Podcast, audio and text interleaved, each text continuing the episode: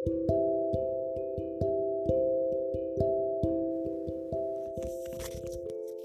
kembali lagi bersama aku Vera, teman-teman kata Vera. Tadi aku mau nyeritain tentang pengalaman seorang teman yang baru aku tahu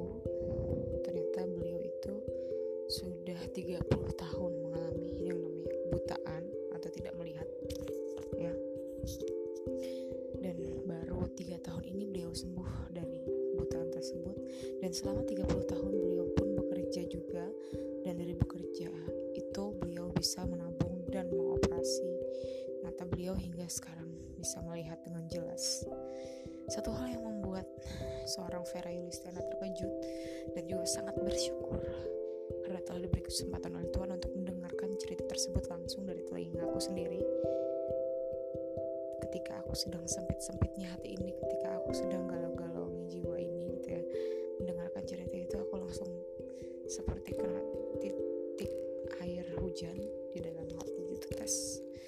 langsung bersyukur ya Tuhan.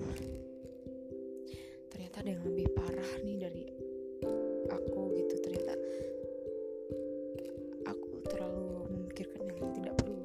Ternyata aku kurang bersyukur dengan apa yang aku miliki sekarang. Ternyata ada yang masih untuk melihat saja beliau sangat berjuang. Kenapa aku diriku tidak berpikir seperti itu juga gitu bersyukur seperti beliau juga. Nah di situ aku mulai seperti semangat lagi menjalani kehidupan ya. Karena aku sadari terus terang sebagai seorang gejolak jiwa muda yang kadang-kadang juga bisa semangat banget kadang-kadang juga down banget. Itu manusiawi banget ya. Karena kita manusia kita harus merasakan hal seperti itu memang. Karena apa ya semua itu akan berjalan dengan sendirinya gitu akan kematangan itu akan datang dengan sendirinya. Tapi dibarengi juga dengan usaha kita gitu. Nggak bisa uh, langsung matang gitu nggak bisa gitu. Kita perlu merasakan hal, seperti tadi tuh. Di saat kita galau di saat kita sedih atau segala macam kita mendengarkan sebuah kisah inspiratif kisah yang menyentuh itu bakal membuat jiwa kita menjadi hidup lagi semangat lagi menjalani aktivitas sehari-hari gitu selain itu yang bisa aku ambil dari cerita temen aku ini ya nggak perlu lah aku sebutin. Jadi beliau juga bekerjanya kerjaan beliau sosial banget ya. Beliau tuh di, di, dipercayakan untuk merawat orang tua. Seorang salah satu tokoh lah di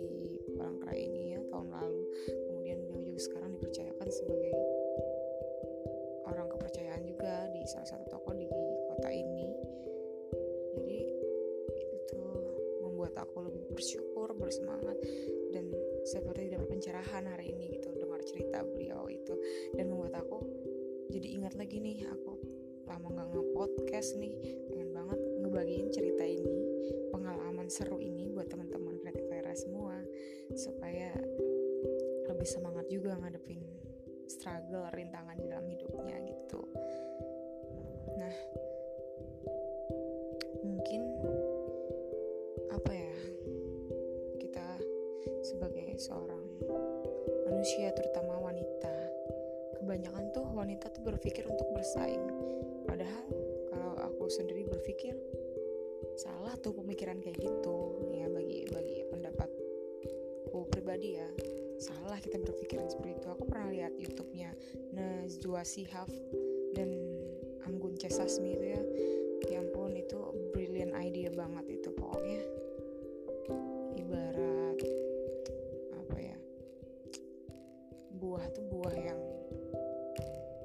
sih super banget gitu loh.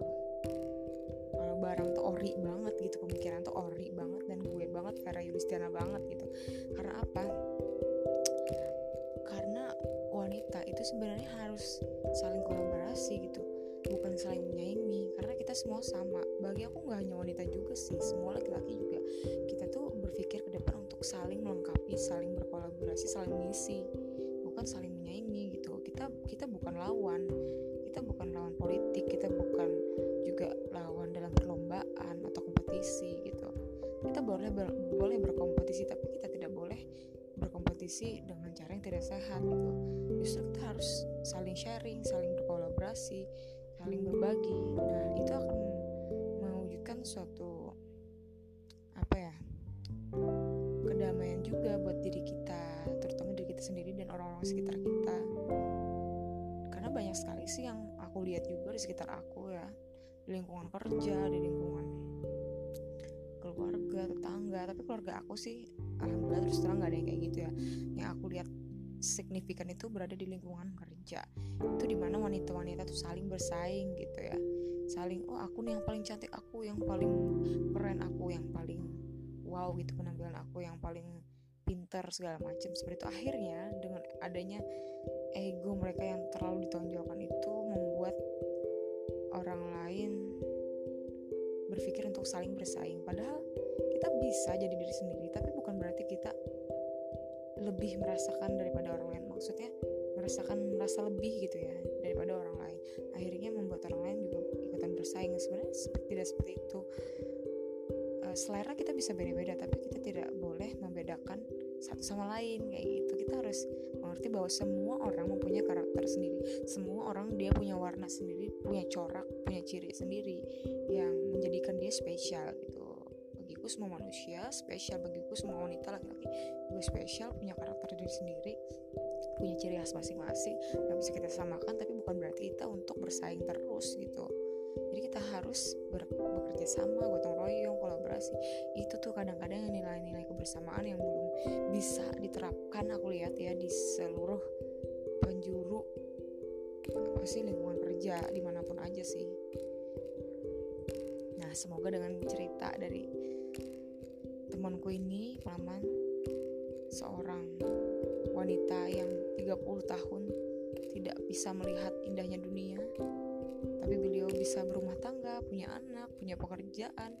Dari beliau belum bisa melihat hingga baru tiga tahun ini beliau bisa melihat bayangkan.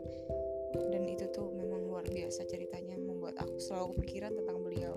Selalu ingin memperhatikan dan merasa seperti dia apa ya seorang malaikat yang diutus Tuhan. Maksudnya untuk selalu mengingatkanku untuk kebaikan gitu dalam hal-hal yang baik.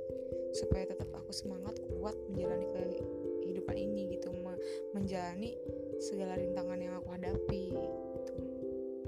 Oke, semoga bermanfaat cerita ini. Mungkin nanti suatu saat aku bisa sharing bareng beliau ya.